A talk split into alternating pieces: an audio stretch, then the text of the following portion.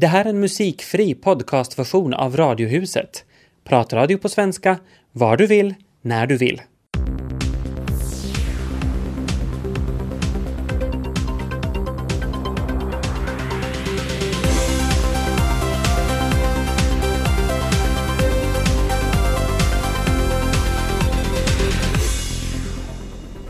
Och här börjar Radiohuset onsdag som håller dig sällskap i Vega de närmaste två timmarna. Idag undrar vi som så många andra vad det är som får en pappa att ta livet av sin familj. Kunde det ha förhindrats och vilka varningstecken ska man försöka märka? Vi har en familjeterapeut med oss i sändningen idag. Och programledare är Ami Lassila och Tobias Larsson. Välkomna med! Diana Kavonius, välkommen. Tack. Du jobbar med ett projekt som heter Familjerum där man stöder föräldrar i sitt föräldraskap. En dag som den här när vi igen har nåtts av nyheten om en pappa som har tagit livet av sin familj. Hur reagerar du? Ja, man har nog olika känslor och tankar men mycket frågor som man inte har svar på.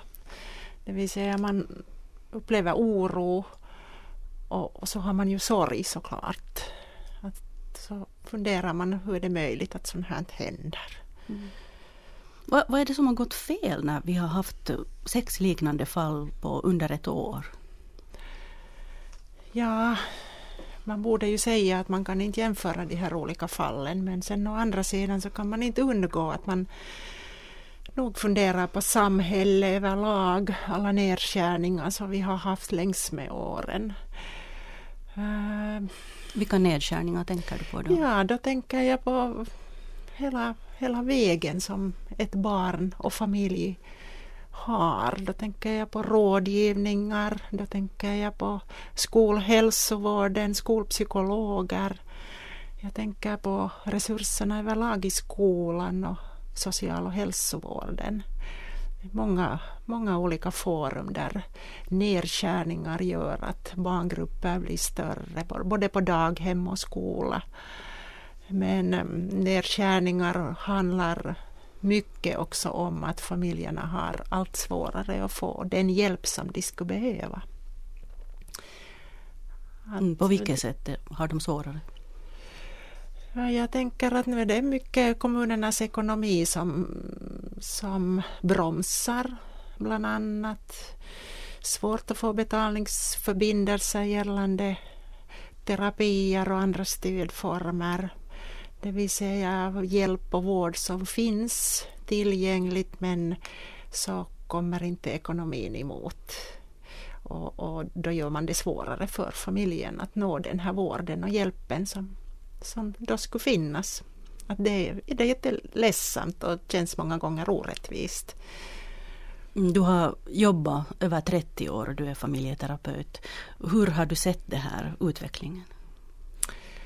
Ja, jag har ju haft perspektiv från, från både sjukhus och, och tredje sektorn. Det vill säga jobba med, med familjer och med barn som har specialbehov av olika slag. Så det där No, från sjukhuset så kan man då säga att, att eh, vårdtiderna blev kortare och, och allt skulle göras snabbare. Och, och, och om man då tänker idag så det är då utredningar man gör. Men vad sedan? Att vad är hjälpen? Vad är stödet? Vad gör man sen med de här diagnoserna? Att där, där finns en stor fråga bland annat idag. Att nu är det mycket handledning som skulle behövas. Handledning till föräldrar, eh, skolan, daghemspersonal, alla de här livsforum där barnet finns och lever. Så det där eh, är det mycket man kunde göra och det finns mycket kunskap. Hur vanligt är det då att en, en familj verkligen skulle behöva hjälp och, och söka hjälp men bara inte får det? Ja, jag upplever att det, det är många familjer som aktivt söker hjälp. Men de får nödvändigtvis inte den hjälp och, och, som de skulle då behöva. Det vill säga familjer ähm, kan yttra sig på rådgivningen De kan berätta på familjerådgivningen, de kan berätta på en poliklinik att, att de hade jobbigt hemma av olika orsaker. De kan vara utmattade. De kan uppleva sin vardag som jätteutmanande på grund av olika orsaker och det är i den stunden vi borde reagera, vem än som finns på plats. Och ingen skillnad om det är hälsovårdare eller lärare eller läkare eller terapeuter, vårdare. Vad händer då med en, en, familj där man uttryckligen säger att nu, nu är man utmattad och, och vardagen är svår men så får man inte hjälp någonstans? Ja, jag, jag upplever att, att i den stunden så, så handlar det om att, att det finns risker i den familjen. Jag upplever att, att en människa som ber om hjälp så borde få det, att ingen gör det i onödan. Att, eh, jag brukar alltid säga att den stunden en förälder säger att jag skulle gärna få lite eh, handledning eller jag skulle gärna diskutera med någon så ingen förälder gör det i onödan. Att det finns alltid en orsak och, då borde man, och ett behov och man borde svara på det här behovet. Att det är klart att det, är olika, det finns olika möjligheter. Men, men i vilket fall som helst så borde man nog ta itu med det här och ta det på allvar. Nå, det krävs ju ändå en hel del ork för att orka ta kontakt och be om den där hjälpen. Vilka varningsklockor ska man ge akt på i omgivningen om, eller varningssignaler ska man ge akt på om, om människor inte själva ber om hjälp men man kanske kan på något vis ana att här är något på tok? Ja, jag, jag tänker att, att en förälder som till exempel inte ser så mycket positivt i sitt liv eller en, en, en förälder som talar mycket negativt om sitt barn. En förälder som beskriver och berättar hur utmanande vardagen är. En förälder som ibland mycket klart och tydligt kan säga att jag vet inte hur jag ska fixa den här vardagen, hur jag ska orka och hur jag ska klara av allt, allt det som behövs och, så det där, det, det som föräldern berättar och uttalar, så det, det är det som vi borde reagera på och, och försöka gå vidare med diskussionen och, och, och därefter fundera vilket slag av stöd familjen då skulle ha nytta av och hur ska vi fixa det. Mm. Men hur hopplöst känns det här också i ditt arbete om man också ser det här att nu behövs det, man ingriper men så får den här familjen ändå inte den här hjälpen. Hur känner du det som, som professionell i den situationen? No, det är kanske just i sådana stunder som man upplever att den här orättvisan på något sätt att, att det finns hjälp att få men i och med att all stöd och hjälp är inte gratis och då måste man liksom ta itu med det här med betalningsförbindelser och, och vem betalar och så här och, och det är där som den här tröskeln kan vara mycket hög ibland. Man ser behovet och man ser en familj som, hur ska man säga, man ser att de verkligen skulle ha nytta av det och är villiga och samarbetsvilliga. Men mm, man, man, får, man får inte det fixat. Så, så visst, är det, visst är det ledsamt och orättvist och, och då upplever jag nog många gånger att, att, att, att nu är det liksom kommunala instanser som, som mera borde ta skeden i vacker hand och, och ta på allvar det här att satsa lite mera e-, ekonomiskt på familjestöd Mm. Och, och, det finns mycket sådana förebyggande stödformer också som inte handlar om några stora pengar. Vi fortsätter med familjeterapeut Diana Kavonius som jobbar med ett projekt som heter Familjerum. Där jobbar du med föräldrar som behöver stöd. Vilken typ av familjer är det fråga om? Det är olika slag av familjer. Eh, familjerum handlar om ett treårigt projekt som började 2010 där vi försöker ehm, bygga upp på folkhälsan sådana lågtröskelstödformer men också terapier, det vill säga en palett av olika slag av stödformer eh, och, och på det viset nå familjer som har oro om sitt barn. Och den här oron kan som sagt gälla barnets utveckling eller mm, någon, det kan vara en diagnos som barnet har men det kan också gälla till exempel föräldrarnas oro om sitt föräldraskap gällande ett utmanande barn som utagerar mycket och, och, och ska vi säga orsakar lite kaos där hemma och stridigheter mellan syskon och så vidare. Det vill säga kanske det nya i detta projekt är bland annat just det här att vi kategoriserar inte den här oron. Och vi kategoriserar inte verksamheten utgående från barnets ålder och inte heller utgående från några vissa diagnoser. No, hur mycket stöd behöver sådana familjer då? No, varje familj, familj är, är, är, är en familj, det vill säga familjerna är olika att eh, därför är det just viktigt att vi lyssnar på familjen och föräldrarna vad de själva anser att de behöver stöd och hjälp med. Uh, och hur ger man det här stödet? Ja, no, det finns olika stödformer. Att, att det, det bland annat försöker vi utveckla och utvidga nu i det här projektet. Det vill säga olika slag av stödformer som då skulle motsvara så gott det går familjens olika slag av behov. Att det kan handla om personlig handledning som sker hemma eller på mottagningen som vi kallar det för dialogisk familjehandledning. Eller det kan vara familjeterapi i grupp för föräldrar. Det kan handla om en och två diskussioner som vi kallar för första möte. Det kan handla om gruppverksamhet, till exempel stödgrupper för föräldrar eller att man tränar sociala färdigheter i grupp, det vill säga det handlar om barn som har bland annat sån här Asperger-problematik som man talar om.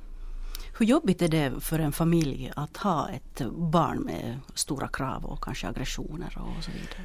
Visst är det en utmaning för föräldrarna och det borde man det borde man förstå som yrkesmänniska att det, det, är inga lätta familjesituationer då barnet utagerar och är utmanande. Det kan handla om ett aggressivt barn.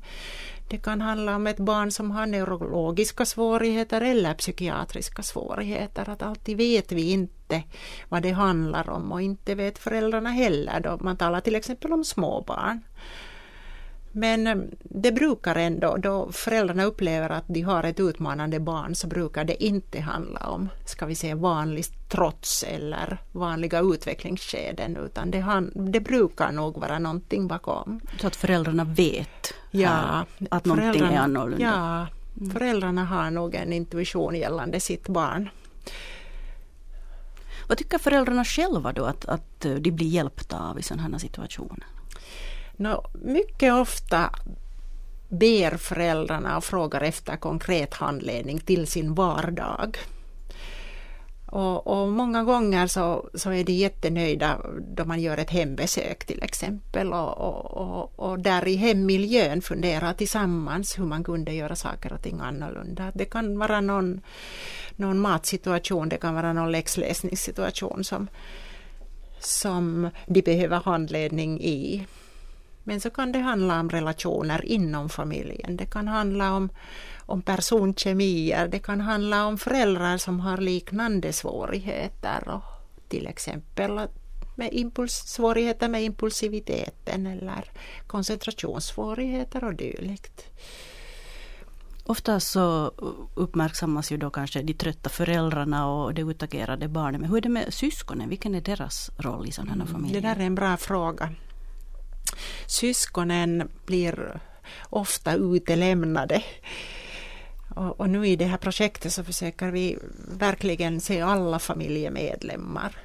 Det vill säga vi kan i den här personliga familjehandledningen bland annat så kan vi träffa också syskonen och, och det är bland annat därför också de här hembesöken brukar vara mycket bra för alla familjemedlemmar. Det vill säga syskonen behöver också många gånger handledning och stöd. Och, och de ska verkligen uppmärksammas och det är en del av familjen som vi många gånger glömmer bort. Mm. Med ditt över 30-åriga perspektiv på det här, hur mycket svårare är det egentligen att vara förälder idag än det var för 30 år sedan? Eller är det? Ja, då, det är en svår fråga men eh, jag tänker nog på, återigen på arbetstakten som föräldrarna har och, och, och vi har ett hektisk, en hektisk vardag. Det vill säga man ska hinna med mycket och, och, och det händer mycket i en snabb takt. Då det finns ett barn som har specialbehov i familjen så tänker jag att då, då är det liksom ännu svårare att hänga med i alla de här olika svängarna. Och, och, och, då liksom till exempel de här stora skolklasserna så gör ju det att, att att också barn som har lindriga koncentrationssvårigheter kan ha det mycket svårt i de här stora klasserna. Att, det vill säga omgivningen kan göra att de här svårigheterna äh, blir ännu större. Tack Diana Kamunis. Tack. Viola Björklöv är frissa. Hon är anställd av Helsingfors och Nylands eh, sjukvårdsdistrikt och hon jobbar på Ekåsens sjukhus. Berätta Viola, hur ser en vanlig arbetsdag ut för dig? Jag kommer åtta på jobb och då äter våra patienter morgonmål så att vid halv nio börjar jag jobba med dem. Och då är det precis en vanlig frissa mottagning. Man beställer själv sina tider, vi kommer överens vad vi ska göra om man beställer från avdelningen. Det är öppet hus här. Vi friserar på vanligt sätt. Herrar och kvinnor, barn, ungdomar. Så har jag lite grupparbete och individuella patienter och då betyder det att jag har en sån här som har med hygienen att göra. Det är att hur tar du hand om dig själv och ditt utseende och där får man det här välbefinnande och det här lyftet att jag är värd som människa allt detta. Vi lär ut, ska vi säga, lite på ett, ett lätt sätt att gå till butiken och inhandla preparat som jag har. Och, och du, du gör det tillsammans med mig och du, du gör det själv och vi har det jättetrevligt. Och det är också män och kvinnor. Att lära sig ta hand om sig själv och, och, och, och känna just det här att jag, jag är värd någonting, det här får jag göra för mig själv. Hur brukar dina kunder eller klienter vara när de kommer första gången på besök? Det kan variera. De kanske vandrar här utanför dörren, min öppna dörr ut här till entrén, så de, de vandrar här lite och tittar först och bekantar sig med, med mig på avstånd. Men eh, sen kommer man nog ganska, ganska rakt in här och, och säger att hej, hej, jaha, det här är frisersalongen och okej, vad kan man göra här? Så de är nog helt som du och jag när vi går till, till frissan, att finns det något problem. De är väldigt tacksamma att vara här. För de har inte orkat ta hand om det själv hemma. Och, och här blir de liksom då mottagna på ett, ett sånt sätt som de kanske inte heller blir mottagna i, i civila. Det säger man. Att man eh, känner att man är annorlunda när man går in i en salong. Här är vi inte annorlunda, här är vi alla lika. Här får jag vara jag. Så de kommer gärna. De kommer gärna bara för att sitta här och prata. Vi friserar inte ens alltid. Man bara kommer och pratar. När jag själv går till Frissa så känner jag att jag går lite till en terapeut samtidigt. Att, att hon sköter bara inte om mitt hår utan hon vårdar lite själen också så det måste ju vara dubbelt mer för dig. Ja, absolut det där att vårda själen. För det är ju den som jag brukar säga är sjuk. Och, och, och det får du liksom eh, bota lite när du är hos mig. För du får prata av dig. Du får prata om allt. Och det stannar där. Så frissan vet ju precis när din katt har namnsdag och, och när du har firat barnens födelsedag. Att vi vet ju liksom allt om varann. Man blir väldigt god vän med sina kunder. Jag har många, många gamla kunder som ringer fortfarande till mig och berättar om hur de mår och hur de saknar ekåsen och ekåsens service. Tidigare sysselsatte du dig alltså fem dagar i veckan med att jobba som frissa, men så är det inte idag mera, utan nu är du också inne på andra terapiavdelningar. Vad gör du där? På terapiavdelningen så är jag på handarbetssidan och, och lite pyssel med barn och sån förströelse. Man får lite vara kreativ. Hur viktig är, är den sidan? För mig är den också viktig för att, att det där, jag får ju liksom använda en annan sida av, av mig själv där. Och mitt stora hobby är ju att handarbeta. Så, och, och, och, den är viktig, den är väldigt viktig den här terapin där nere. Den är välbesökt. Och då, då kommer de ju på samma sätt i terapin som de kommer till frissan, till ett jobb. Typ. Att det är ju ett innehåll i dagen när de kommer till terapin och samma hela vår, vår, vår socioterapi här med, med konditionssal och bibliotek och allt det här. Det, det ska ingå i varje människas liv. Mm. Nu när jag kom in för, innanför den här byggnaden, alltså det är ju en byggnad av flera inom det här ekosens eh, område. Så där såg jag att det stod konditionssal, där stod fotvård, så stod det förstås att det var frissa och det var ett och annat, fysioterapi. Va, vad händer med allt det här nu småningom? No, det skärs ju ner hela tiden så vi vet ju mm. inte exakt vad, vad det blir av med förminskat krympta utrymmen. Vi är rädda för att, att de här utrymmena som vi nu har som är så ändamålsenliga och så på samma ställe att eh, patienterna liksom går från punkt till punkt och blir intresserade av jaha nu går jag till Puntisali så nu kommer jag till frissan och tvättar hår efteråt. Allt det där kan bli väldigt splittrat om vi blir utflyttade härifrån och, och sätts in någon annanstans. Och just ändamålsenliga utrymmen är här, för de är gjorda för oss när vi kom hit till den här byggnaden. Jag kan säga om din salong att den är stor, den är ljus, den är hemtrevlig. Den är riktigt frissa men, men kanske lite snäpp över andra för här finns faktiskt eh, gott om plats. Ja, den här platsen, det här utrymmet behövs för att när vi är i grupp här, vi är många människor. Och just att, att som jag sa tidigare, att man kommer in och diskuterar dagens händelser. Det är en prathörna samtidigt. Så om man kommer in och kammar sitt hår själv, vi behöver liksom få ha de här platserna för att, att vi ska trivas alla tillsammans. Alla har sina olika behov. Och här, här får man mycket, mycket av det tillfredsställt. Nu har du ju bara några år kvar till pension, Viola, och Eh, eventuellt så kan det bli en flytt för din del, men att frissan ska väl kvarstå ändå i någon form? Jo, jag har två år kvar.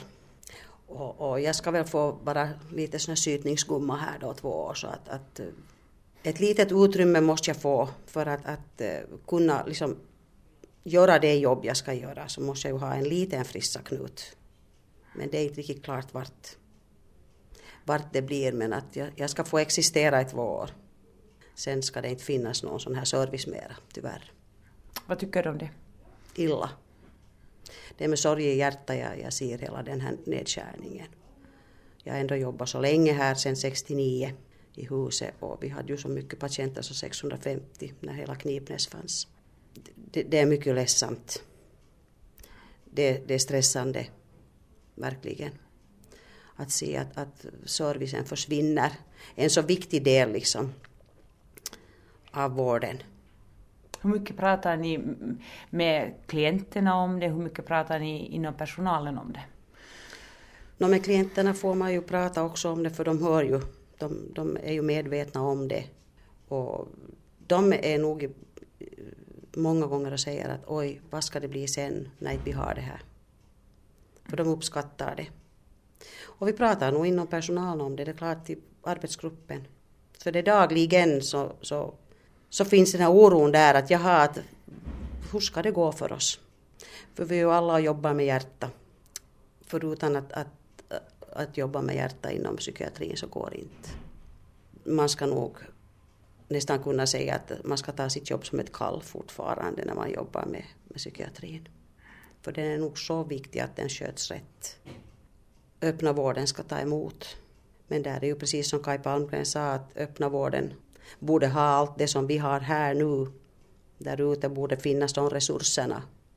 Så jag tycker liksom att det här sjukhuset ger så mycket mera vård än, än, än nu så, så mm, om vi skulle få ha det lilla kvar helst. Det ser illa ut.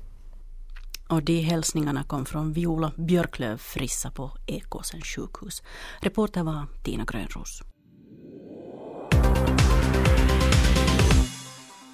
Igår kom nyheten som Finland tydligen har väntat på sedan den allra första soluppgången i tidernas begynnelse.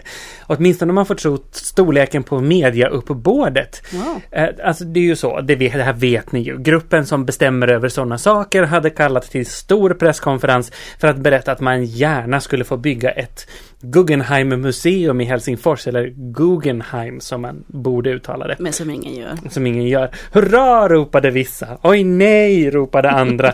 Och nyheten dominerade nyheterna igår på ett sätt som skulle gjort eurokrisen grön av avund. Mm, det har fortsatt idag. Ja, det har nog fortsatt och det lär fortsätta. Är det bara jag som inte förstår? Jag tycker faktiskt inte att det här är en så stor händelse. Ja, men Det- visst är det ju det. Nej men det är inte ens bestämt att museet ska byggas. De har bara fått välsignelse att här, Ja, här får ni bygga om ni vill. Tänk nu att internationellt så anses Helsingfors vara en så fantastisk och intressant stad att man vill bygga det där museet. Alltså det finns en massa positiva aspekter på det. Jag tycker att en sak som Helsingfors skulle behöva är just lite mer vågad arkitektur och att man vågade bygga lite häftiga hus och att man vågade bygga lite högre och att man vågade, du vet, göra en intressantare liksom skyline. Istället för de där lådorna alltså. Ja, Allt bara det är inte en låda. och sen dessutom vet jag ju att finländska medier slår frivolter av lyckad och Finland av en eller annan orsak omtalas utomlands. Mm, är Men kom igen! Så här stort mediautrymme, jag förstår ingenting. Ganska snabbt så slog ju tonläget dessutom över i en ganska magsur kör som menade att det kostar för mycket och att de pengarna kunde användas till vården istället. Men det är faktiskt en point. Ja, men tråkiga nyheter för alla er som tycker det. Jag tror inte att det är så att det kommer att storsatsas på vård eller gamla eller unga eller någon annan som skulle behöva det bara för att man nob- nobbar Guggenheim. Kommer inte att hända.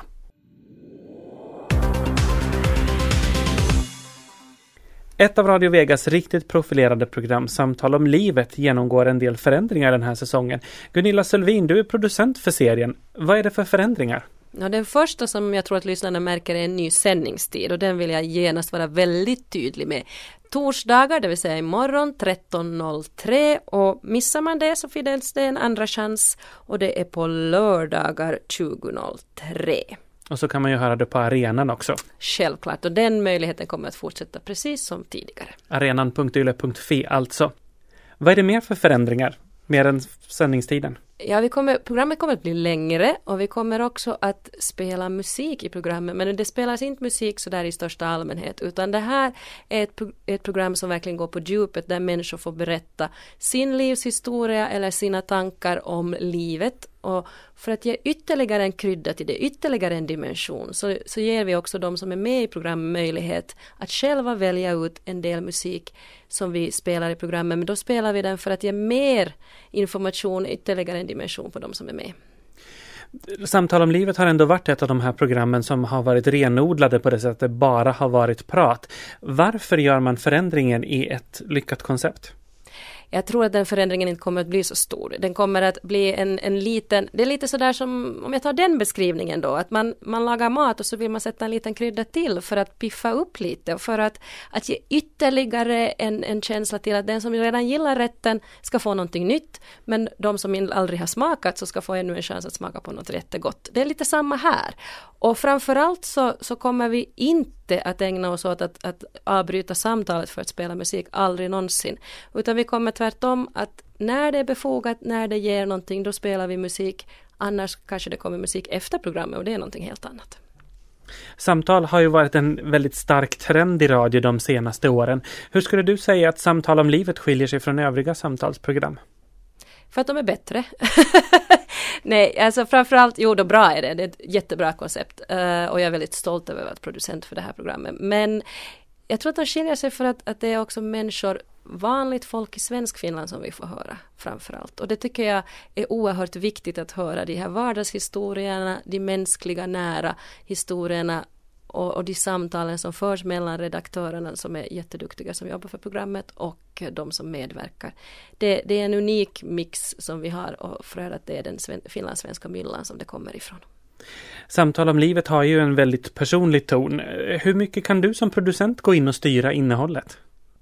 Som producent så kan jag ju förstås komma med goda råd och, och tankar om, om vilka som ska vara med och så här. Men, men det är ju nog de som medverkar och de som gör programmet, som samtalar med personerna som är med, som gör det. Som gör att det blir så väldigt bra. Och, och jag tror ju att, att eh, det är nog den som ni vet, ett riktigt bra samtal, det är nog de två som för det och det är det som, som lyfter det, att, att min roll är trots allt ganska ringa i det här.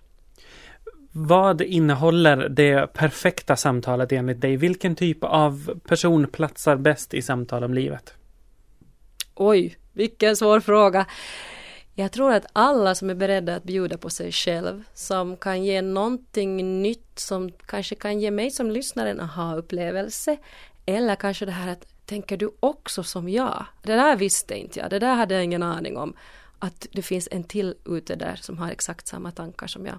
Kanske någonting sånt är, är det bästa som finns i ett samtalsprogram. Och framförallt eh, aha-upplevelsen och mötet. Och idag är det ganska många som talar om den här stora valdebatten i FST5 igår. Och min reflektion är att det verkar som folk inte har blivit något klokare om vem de ska välja utan tvärtom. Det har blivit svårare och till och med de som hade sin kandidat klar har nu kollrats bort och, och så tvekar de. Det är väl ganska lustigt resultat på en sån här debatt tycker jag. Det är ganska skönt för tillfället att vara svedd och inte behöva välja. Men jag, jag vet nog i och för sig. Mm, andra sidan tycker jag det är ganska roligt för att det blir ju lite då mer spänning här ju längre tiden lider. Och det verkar först att det skulle vara ganska så tråkigt och givet och Nils hade försprång men nu kanske det blir hur spännande som helst. Fast märkte du hur trötta de där kandidaterna såg ut igår? Sådär riktigt otroligt jättetrötta. Det fanns liksom inget liv i ögonen, inte i utspelet, inte i... Alltså det här gäller inte allihopa. Men vissa av dem såg ut att sitta och liksom nästan somna på plats. Och jag tycker att det är underligt att om man ska välja någon till president och så klarar de inte ens av att hålla hela presidentkandidatperioden ut så är det ett dåligt tecken. No, å andra sidan så läste jag just någonstans att det har varit mera debatter och tillställningar och jippon än någonsin tidigare och ingen vågar bli borta. Därför att då kanske de är de enda som blir borta och det ser ju inte sådär bra ut. Men en vettig president ska kanske kunna välja bort också. Jag och menar, våga. det måste ju, mm. måste ju presidenten kunna göra sen när man är president. Mm. Det som jag gillade också igår var det här med twittrande, att kunna lä läsa folks twitter i, i rutan. det gav liksom en dimension till åt det där. Men så var det kanske lite besvärligt när det kom rakt i ansiktet på, på de som syntes där, men det är kanske någonting som man åtgärdar till nästa val.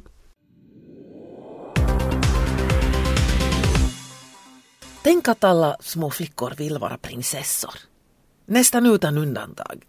Det kan vara snabbt övergående men ändå alltid i något skede så vill de flesta små flickor vara prinsessor. Som barn så var jag själv en sån här typisk pojkflicka. Jag lekte helst pojklekar och dockorna stod och samlade damm i en knut. Rosa, det var inte en av favoritfärgerna och att leka prinsessa med en krona på huvudet, det skulle aldrig ha fallit mig in. Men ändå så ville jag vara prinsessa. Fast inte en traditionell prinsessa utan en indianprinsessa. En svarthårig prinsessa med fransig mockaklänning och fjädrar i flätorna och beväpnad med pilbåge.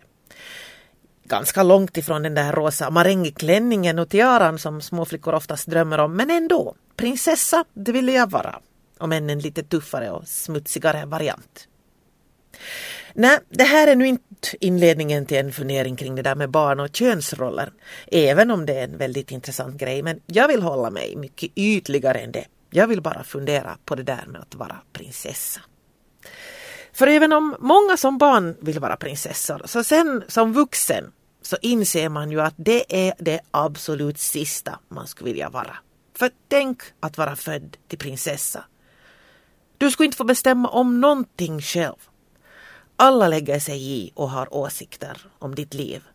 Du är liksom född till ditt jobb och du gör ditt jobb fast du hellre skulle vilja göra något annat.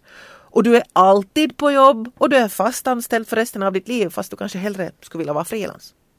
Och när man talar om att alla lägger sig i så är det ju just alla. Alla i hela landet och några till. Inte bara ens familj. Fatta vilken press! Det är inte bara dina föräldrar som eh, vill att du ska utbilda dig rätt och gärna de med högsta betyg och som har åsikter om ditt klädval och dina pojkvänner och så vidare. Utan det är hela landets angelägenhet. Inte konstigt att svenska prinsessan Victoria led av anorexi där en period.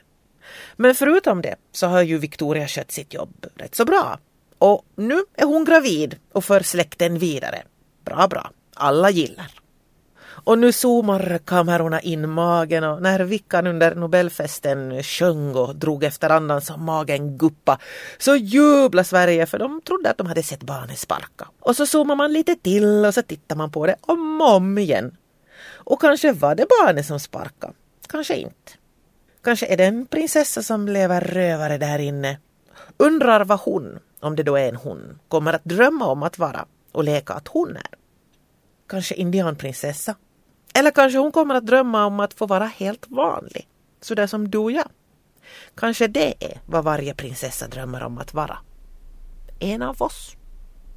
Helt vanlig. Vår kolumnist idag heter Filippa Sundlin.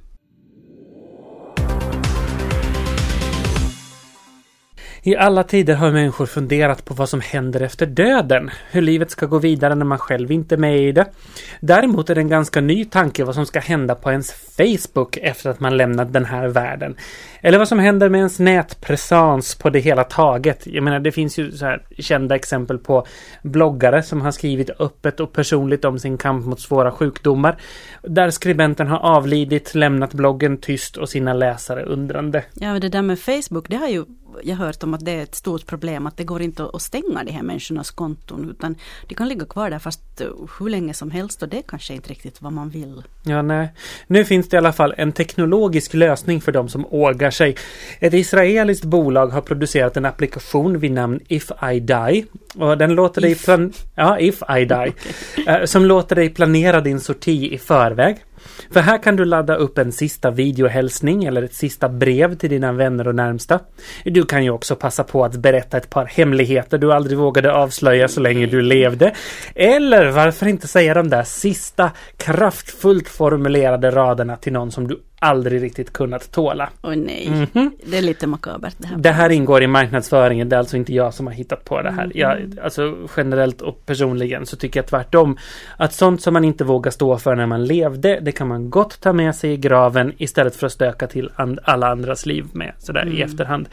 Och det där att skälla ut någon från andra sidan, någon som kanske på riktigt är uppriven och sörjer en och saknar en, det är i magstarkaste laget, så det, det rekommenderar jag inte för någon. Nej, jag tycker inte någon någon av de här förslagen låter egentligen sådär värst bra. Jag tycker att det bara borde finnas ett sätt att stänga kontot och that's it. Men, men kanske fyller det här också något slags behov vi har. Ett, det här behovet av att få sätta punkt och kanske Kanske det här behovet att känna att vi har någon slags kontroll. Att vi Att jag berättar på något sätt. Ja men kontroll det är ju just det som vi inte har. Och det borde man ju då godkänna på något sätt medan man lever. Ja.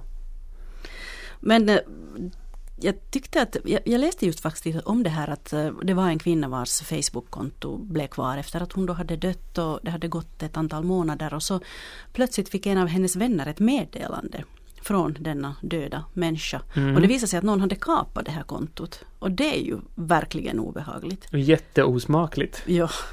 Så att där skulle man önska att det skulle finnas då. Bort med det så att ingen, ingen kan göra så här. Det är otroligt upprörande. Ja, för det kan man ju tänka med den här appen också att ifall någon kapar den ja. och liksom får hela världen att tro att du är död. Eh, men ja, det, dessutom. Men det, ska då, men det ska då inte kunna gå. Eh, man börjar med att välja ut ett antal betrodda nära vänner som man litar på. De och bara de kan aktivera den här funktionen. Eh, och sen hur företaget kan garantera att den här säkerheten håller, det vet, det vet jag inte. Fråga dem. Men, men så, så ska det vara. Eh, än så länge så är den här tjänsten bara designad för Facebook. Och där kommer min riktiga skepsis in.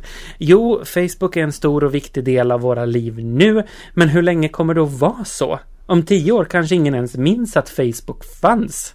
Och så ligger de där, dina sista hälsningar, i något slags minneskort som ingen längre använder. Bortglömda. Inte var det vad du hade tänkt dig, eller? Nej, verkligen inte.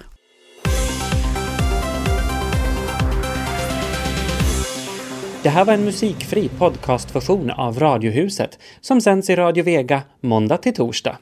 Mer information om programmet hittar ni på svenska.yle.fi radiohuset.